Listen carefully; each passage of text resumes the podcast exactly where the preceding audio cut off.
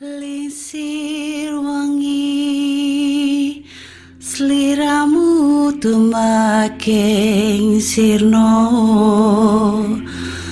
Ojo tangi kan muguling Awas jok ngetoro.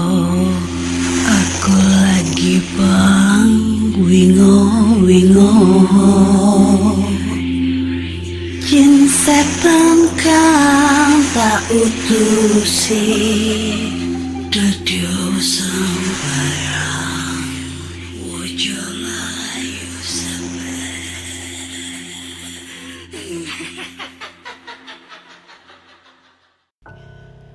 Hai Rek, yuk apa kabar Ketemu lagi dengan aku si Ana di podcast kisah horor dan kita bertemu di episode 275 dan di episode kali ini aku membacakan cerita horor ataupun email berhantu yang sudah dikirimkan teman-teman melalui podcast kisah horor at gmail.com atau di Instagram podcast kisah horor serta Google Form yang lainnya tersedia di bio Instagram podcast kisah horor. Dan sebelum aku ngebacain cerita horor nih ya, aku mau mengucapkan selamat Hari Natal 2023 dan selamat tahun baru 2024. Semoga di tahun yang baru ini semua teman-teman horor, pendengar podcast kisah horor dan semua orang ya pokoknya diberi kesehatan selalu, dilancarkan rezekinya, pokoknya terus lancar terus rezekinya, amin dan semoga apa yang belum tercapai di tahun sebelumnya dapat tercapai di tahun ini. Amin. Ya robbal alamin ya. Terus banyak banget yang protes ya. Ini ke mana sih hostnya kok nggak update-update ya? Kemarin lagi batuk guys. Hampir satu bulan lah batuk parah banget. Uh, gara-gara minum teh pucuk kumat ya minum teh pucuk sehari bisa 4 sampai 5 botol terus habis itu terlalu over ya jadinya batuk terus tuh. Batuk batuk pokoknya kayak gitulah. Aduh capek sih sebenarnya batuk. Tapi demi kalian semua karena udah banyak banget yang nge DM pengen ngedengerin cerita horor nih dari ke Ana mana nih ceritanya gitu ya. Mana banyak yang pers lagi uh, komen-komen di episode pertama. Bagus ceritanya seru kak. Ih serem peres kalian semua. Gak ada serem-seremnya itu. Gue sendiri juga ngedengerinnya tuh kayak ngomong apaan sih ini? Anjay gitu. Ya gitulah pokoknya. Jadi sebelumnya gue minta maaf banget kalau misalnya di episode kali ini mungkin agak sedikit terganggu dengan suara batuk-batuk aku ya. Mungkin agak seminim eh seminim mungkin gue bakal ngebatasin batuk gue gitu ya. Jadi langsung aja kita bacakan cerita horor yang sudah masuk di email. Dan cerita pertama ini berjudul kesurupan massal di Villa Puncak Bogor. Oke. Hai Kak Ana. Sebelumnya tolong sensor identitas aku ya. Sebut saja nama aku Sinta. Aku mau cerita pengalaman aku saat makrab BEM waktu kuliah. Aku kuliah di daerah Kalibata, Jakarta Selatan dan aku ini salah satu panitia dari acara makrab tersebut. Acaranya tiga hari dua malam di salah satu villa daerah Puncak Bogor. Villanya sih bagus, besar, dan bersih banget kak. Uh, harganya juga cukup murah untuk tiga hari dua malam sekitar 2 juta di, di hari weekend. Padahal untuk sekelas villa kayak gitu di daerah puncak seharinya itu bisa 2 juta. Ini malah tiga hari dua malam di tahun 2018 kita dapat harga 2 juta dalam tiga eh dalam tiga hari dua malam. Kejadian aneh sudah terjadi saat survei villa. Jadi tim panitia itu sudah melakukan survei dua kali ke villa tersebut. Survei yang pertama aku nggak ikut. Aku ikut di survei kedua untuk bayar DP dan lain-lain. Villanya luas, terdiri dari dua lantai dan ada fasilitas kolam renang, taman yang luas, meja biliar, piano, dan cat rumah yang didominasi warna putih. Kamarnya juga ada empat, kamar mandi ada tiga, ada satu kamar yang pintunya itu dikunci. Apaan tuh? Hmm.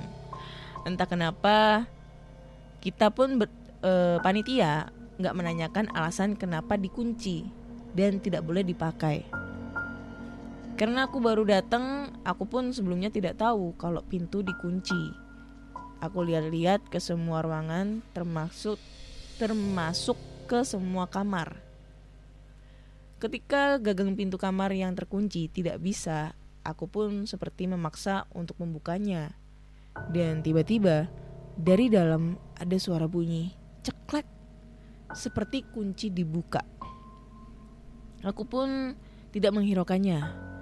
Kemudian aku masuk dan aku melihat ada piano besar. Aku pun penasaran dan aku buka tuh. Terus aku mencoba piano tersebut. Dan di sana banyak foto-foto gitu kak, foto-foto besar kayak orang zaman dulu. Dan di tangga ada foto berderet seperti keluarga. Ada lima foto yang berderet, foto ibu, ayah, dan tiga orang anak perempuan. Di ruang biliar juga ada seperti foto pernikahan.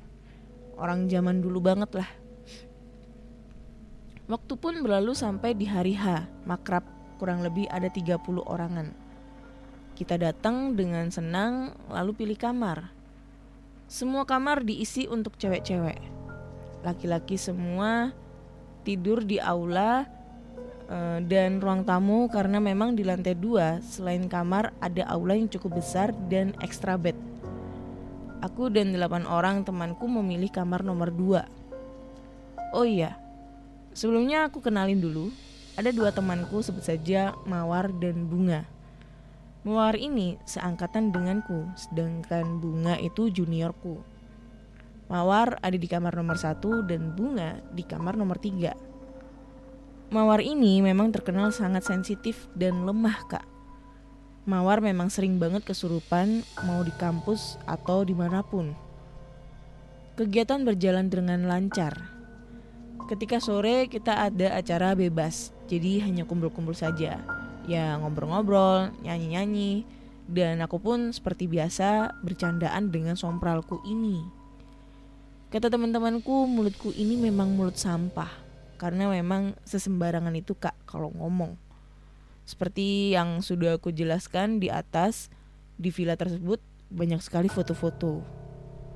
Entah sedang bercanda apa aku pun ngatain foto ya jadi aku tuh kayak meragain foto pernikahan orang zaman dulu dengan pakaian yang aneh dan menirukan dan menirukan gaya fotonya aku dan teman-temanku pun tertawa-tawa gak hanya satu foto yang aku katain tapi dua satu lagi foto besar ibu-ibu yang berderet di tangga yang aku jelaskan di atas kak Waktu berlalu, Malam pun tiba.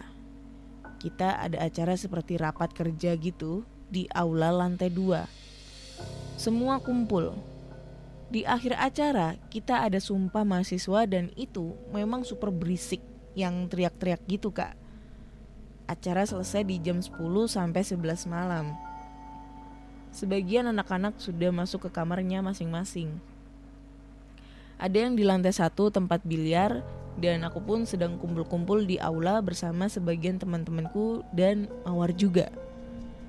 Lalu tiba-tiba Mawar seperti masuk angin muntah-muntah gitu kak. Kita yang awam beranggapan kalau Mawar sakit, lalu kita kasih minyak angin, kita pijitin, kita buatkan teh juga. Tapi ada dua cowok yang memang ngerti soal makhluk lain gitu.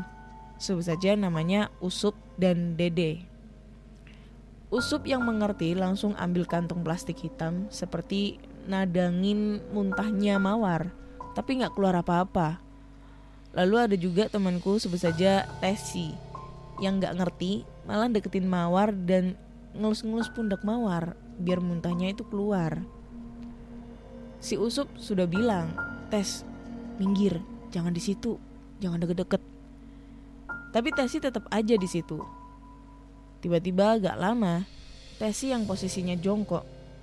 Tiba-tiba kayak orang mental ke belakang gitu kak, sambil nangis-nangis kesurupan. Kita semua panik. Semua anak keluar ngumpul bahkan bacain ayat-ayat suci Al-Quran. Tetapi suasana justru malah semakin panas, semakin mencengkram. Tesi dan Mawar udah mulai nangis dan ketawa. Lalu diikuti dengan bunga Nah, sudah tiga orang nih yang kesurupan. semua panik banget kondisi bener-bener nggak kondusif anak-anak cewek ketakutan semua termasuk aku cuma bisa baca dalam hati apa yang bisa dibaca. Diingetin sama semua anak cowok disuruh fokus pikirannya jangan sampai kosong. Tiba-tiba satu persatu anak perempuan kesurupan. Nangis tiba-tiba. Terus ada yang ketawa. Kurang lebih ada 7 sampai 8 anak lah yang kesurupan. Akhirnya kita putusin untuk turun ke lantai satu semua sambil sembuhin yang pada kesurupan. Kita panggil si penjaga villa. Pas dia datang, dia langsung naik ke lantai dua dan nurunin foto besar ibu-ibu yang di tangga.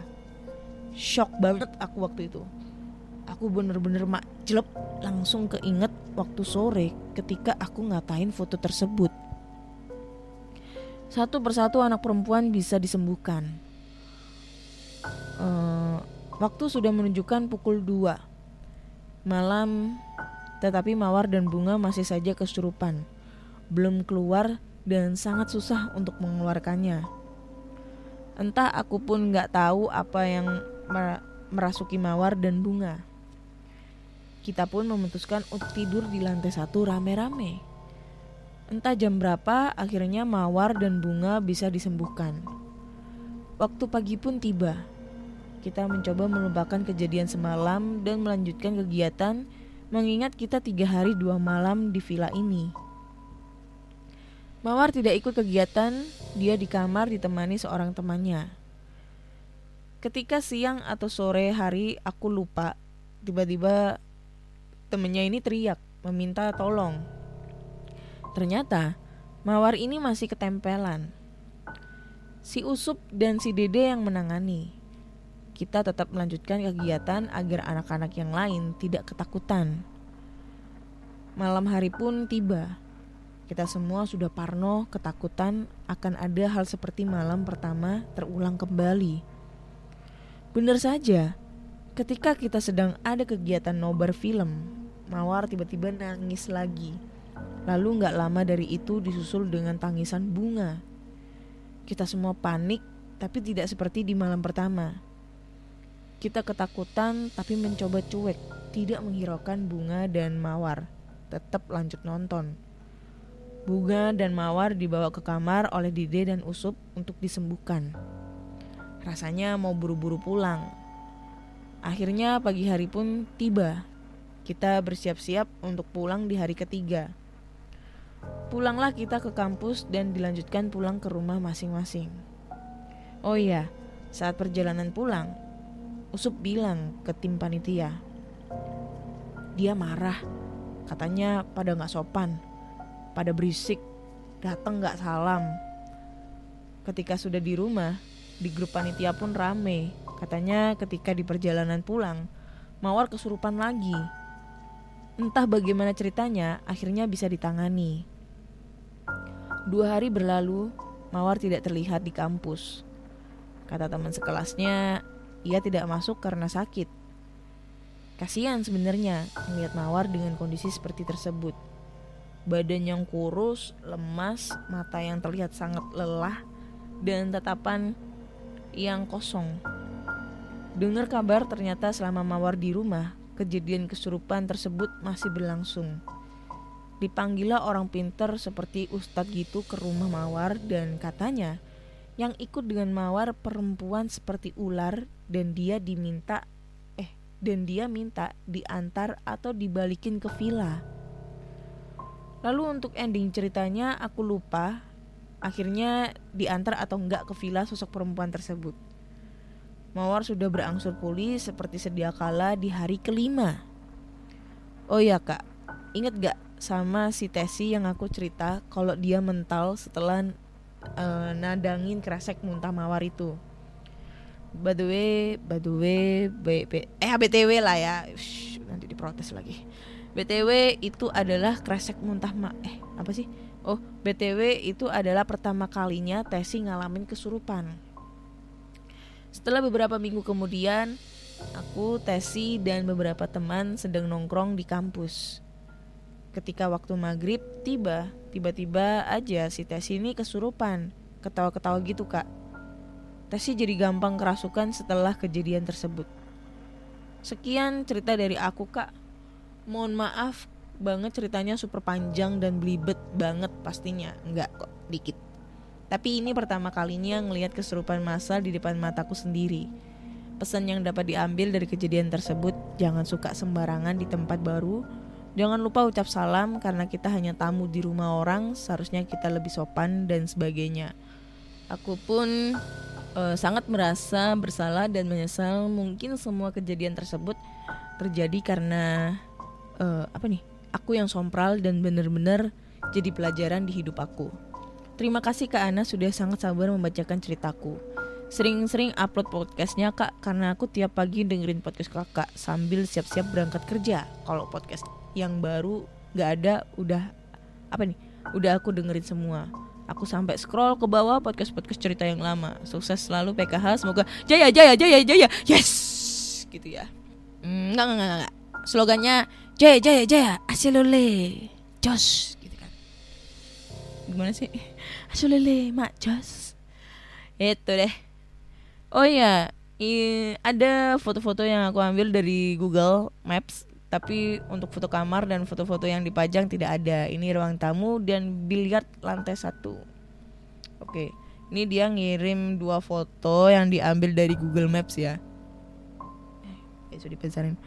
Cukup gede ya. Eh, villanya. Oh, ini mungkin yang di lantai dua. Oh, ada balkonnya coy. Mm-mm bagus sih tempatnya luas banget wih di atas lagi anjay. Tempatnya ya. Hah. terus ini villa tampak dari taman dan kolam renang. Tangga menuju lantai dua. Oke oh foto-fotonya di situ guys.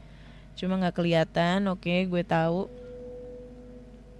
Terus gua nggak enak nih kalau mau posting di feed Instagram ya. Soalnya ini kan masih aktif gitu ini foto pengantin zaman dulu yang aku bilang kak. Ini video dari arsip story aku. Oh videonya itu eh video apa fotonya tuh zaman zaman kayak zaman zaman penjajahan Belanda gitu loh. Kayak kejawen Jawa atau apa ya? Kayaknya Jawa deh. Dengan biasanya celana pendek yang ya gitulah pokoknya. Kalian bisa scroll sendiri ya di Google foto pengantin zaman dulu lah zaman-zaman tahun 40-an mungkin atau 30-an karena ini fotonya hitam putih coy. Ya foto figuranya gede cuma hitam putih. Ya itu mungkin bisa menjadi pelajaran ya buat anda anda semua para Gen Z Gen Z itu kalau misalnya kalian bertamu ke tempat baru gitu jangan sompral mulutnya coy. Jangan tiruin Nana yang mana nih setannya? gitu takutnya nanti wah ada setan beneran ya. Ini gue jadi ingat. Jadi beberapa waktu yang lalu tuh gue diceritain sama temen gue gitu ya.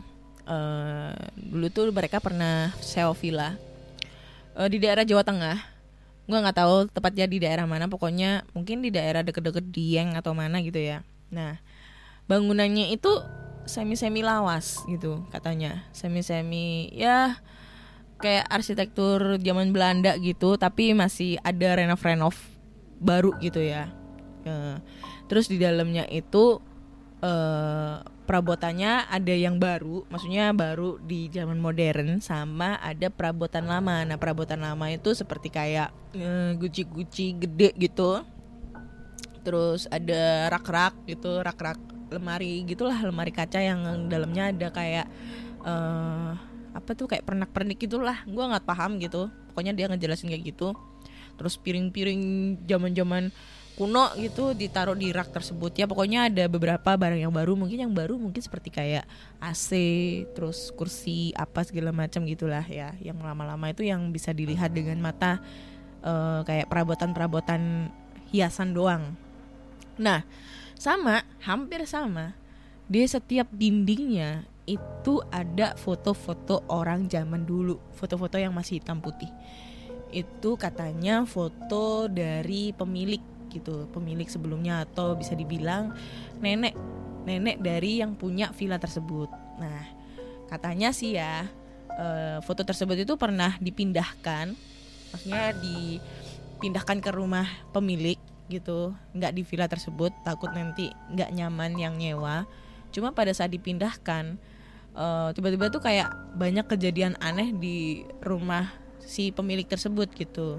Entah itu piring tiba-tiba pecah, maksudnya jatuh dari meja padahal nggak ada apa-apa, entah itu banyak eh, apa namanya lalat gitu masuk gitu. Terus habis itu katanya yang paling ekstrim itu eh, di lantai atas itu banyak orang yang lari-lari kayak gitu gitulah itu semenjak foto dipindahkan. Sampai akhirnya foto dibalikin ke eh, villa tersebut. Nah kata teman aku sih kalian tahu foto ibu nggak sih? Foto ibu yang di setan. Nah model-modelnya itu kayak gitu tuh. Serem banget kayak gitu. Eh, ada salah satu foto katanya yang paling ikonik itu foto or cewek gitu. Ya cewek-cewek. Tapi mukanya itu semi-semi bule katanya Eh, indo-indo gitulah. Cuma pakai kerudung yang dipakai separuh di kepala terus tatapannya kosong gitu terus madep ke depan. Nah itu dia bilang katanya seakan-akan itu kayak matanya itu kayak eh, ngikutin arah kita gitu loh. Maksudnya ngikutin gerak kita kalau mau ke mana. Sebenarnya sih eh, temanku tuh pengen pindah gitu ya. Cuma karena posisinya mereka berliburnya pas hari liburan besar gitu seperti ta- Natal kayak gitu kan Natal tahun baru jadi semua villa yang ada di sana ataupun hotel itu kayak full book book semua bukit semua gitu loh. Banyak yang pesen gitu. Nah kenapa villa tersebut yang diambil? Eh, karena tadinya itu villanya murah. Sama villanya murah dan eh, luas gitu. Karena dia kan bawa keluarga besar tuh satu minibus gitu kan. Nah puncaknya itu ada pada saat eh, anaknya nih anaknya kan satu masih kecil lah umur dua eh enggak enggak umur tiga empat tahun lah ya. Terus dia tuh kayak ngelihat anaknya itu main di taman gitu kan di samping villa itu ada taman. Terus di situ tuh pokoknya tamannya luas rumputnya bagus banget ijo sama ayunan ayunan dari kayu gitu loh. Nah dia tuh ngelihat kayak main bola tapi kayak lempar-lemparan bola gitu loh kayak ada yang ngajak main. Tapi si temanku itu ngelihatnya anaknya tuh main sendirian. Sampai akhirnya anaknya itu diambil terus habis itu ditanyain kamu main sama siapa dek? Katanya main sama eh, cewek gitu anak kecil cewek. Tapi usia eh, orangnya itu eh, lebih gede dibandingkan si anaknya teman aku itu. Sampai akhirnya eh, dibetah-betahin jadi setiap mereka pokoknya tuh mereka itu kayak nggak di villa tersebut gitu loh. Pokoknya dia tuh cari kesibukan di luar gitu healing ke mana sampai akhirnya di hari kedua itu dia eh, memutuskan untuk pulang duluan eh, naik eh, naik travel gitu kan. Sebenarnya sih nggak masalah gitu cuma dia ngelihat kayak anaknya itu kayak diajak main terus terus dia tuh kayak takut anaknya kenapa-napa. Cuma pada saat dia ngelihat anaknya itu kayak diajak main itu nggak tantrum nggak nangis terus sampai rumah juga nggak kenapa-napa. Emang pure si makhluk tersebut itu kayak ngajak main anaknya kayak gitu guys. Jadi ya pesan moralnya tadi dari si Sinta ya kalau kalian datang ke sesuatu tempat ya entah itu villa entah itu hotel entah itu di mana pun kalian berada mau di gedung bioskop di mana pun gitu usahakan jangan sompral ucapkan salam. Kita pun juga kalau keluar rumah kan mengucapkan salam ya ya kalau ke tempat menurut kita asing juga harus mengucapkan salam sopan santun gitu guys ya. Nanti kalau terlalu panjang dikira gue ceramah gitu. Lanjut ke cerita kedua. Gue agak nggak nyaman banget nih karena gue batuk ya. Jadi langsung aja kita bacain cerita kedua. Dan cerita kedua ini berjudul Alhamdulillah. Kisah rintihan maling. Halo kak. Kali ini aku mau bagiin kisah horor tentang rintihan maling. Aku nggak mau disebut namanya hehe. Eh, panggil aja aku Fulan, woi, Ewing kali ya. Karena aku tipe orangnya gak banyak cengcong sana sini. Well, jadi cerita horornya begini, wis, Ewing banget ini. Pada suatu hari, gue ceritanya habis lembur dari kantor. Alhasil dari kantor gue ke rumah untuk eh udah capek banget dan mutusin buat tidur sebentar dan posisi mau tidur saat itu waktunya hampir menjelang maghrib. Sebenarnya emang nggak boleh sih kalau tidur pas maghrib katanya Pak Mali. Tapi gimana lagi waktu itu gue capek banget gitu loh. Nah eh, pas itu gue baru bangun. Ceritanya dari kasur di kamar rumah ibu gue. Gue dulu itu emang sempet tinggal di sana rumah ibu. Dan belum punya rumah. Tempatnya itu cukup strategis dan ngeri juga di sekeliling dulu ada kebun penerangan. Astaga. Di sekeliling dulu ada kebun penerangan kayak lampu itu belum cukup memadai. Jadinya lumayan gelap lah pekarangan rumah ibu gua ini alhasil kalau udah malam kan ngeri udah gelap ditambah sekeliling kebun ya kalau sekarang mah udah punya rumah sendiri tapi lanjut ke ceritanya. Pas itu gue baru bangun dan gue dengar ada suara rame-rame dari luar rumah. Dan pas gue cek, ternyata banyak warga lagi ngamuk gara-gara maling. Maling di situ nyolong tas punya orang. Sampai-sampai gegara amukan warga, malingnya sampai mendapat perlakuan yang tidak baik dan miris kalau dilihat kondisinya. Sementara itu, sekitar beberapa menit setelah kejadian datang ambulans. Bawain si maling uh, yang hampir tewas itu ke rumah sakit. Tapi gara-gara warga yang main adu hakim sendiri, si maling jadinya tewas pas dibawa ke rumah sakit. Tersebarlah tuh beritanya kan. Nah, tapi di sini keanehan mulai terjadi. Di mana setelah kejadian di hari kemarin, di keesokan harinya, pas waktu udah mau larut malam, saat gue istirahat dari kerja sambil nonton bola, saat itu gue denger ada suara orang merintih. Kurang lebih suaranya kayak gini. Tolong, tolong ampuni saya. Ampuni saya. Sakit, sakit. Kok kayak mimi perih sih?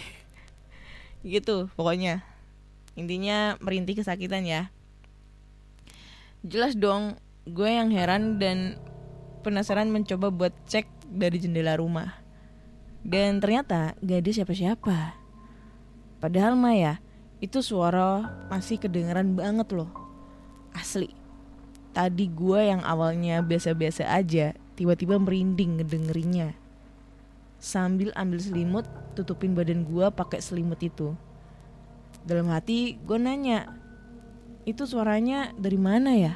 Dan suaranya itu mirip kayak maling yang kemarin. Udahlah tuh, gue yang udah bener-bener merinding tambah capek banget, buru-buru tidur.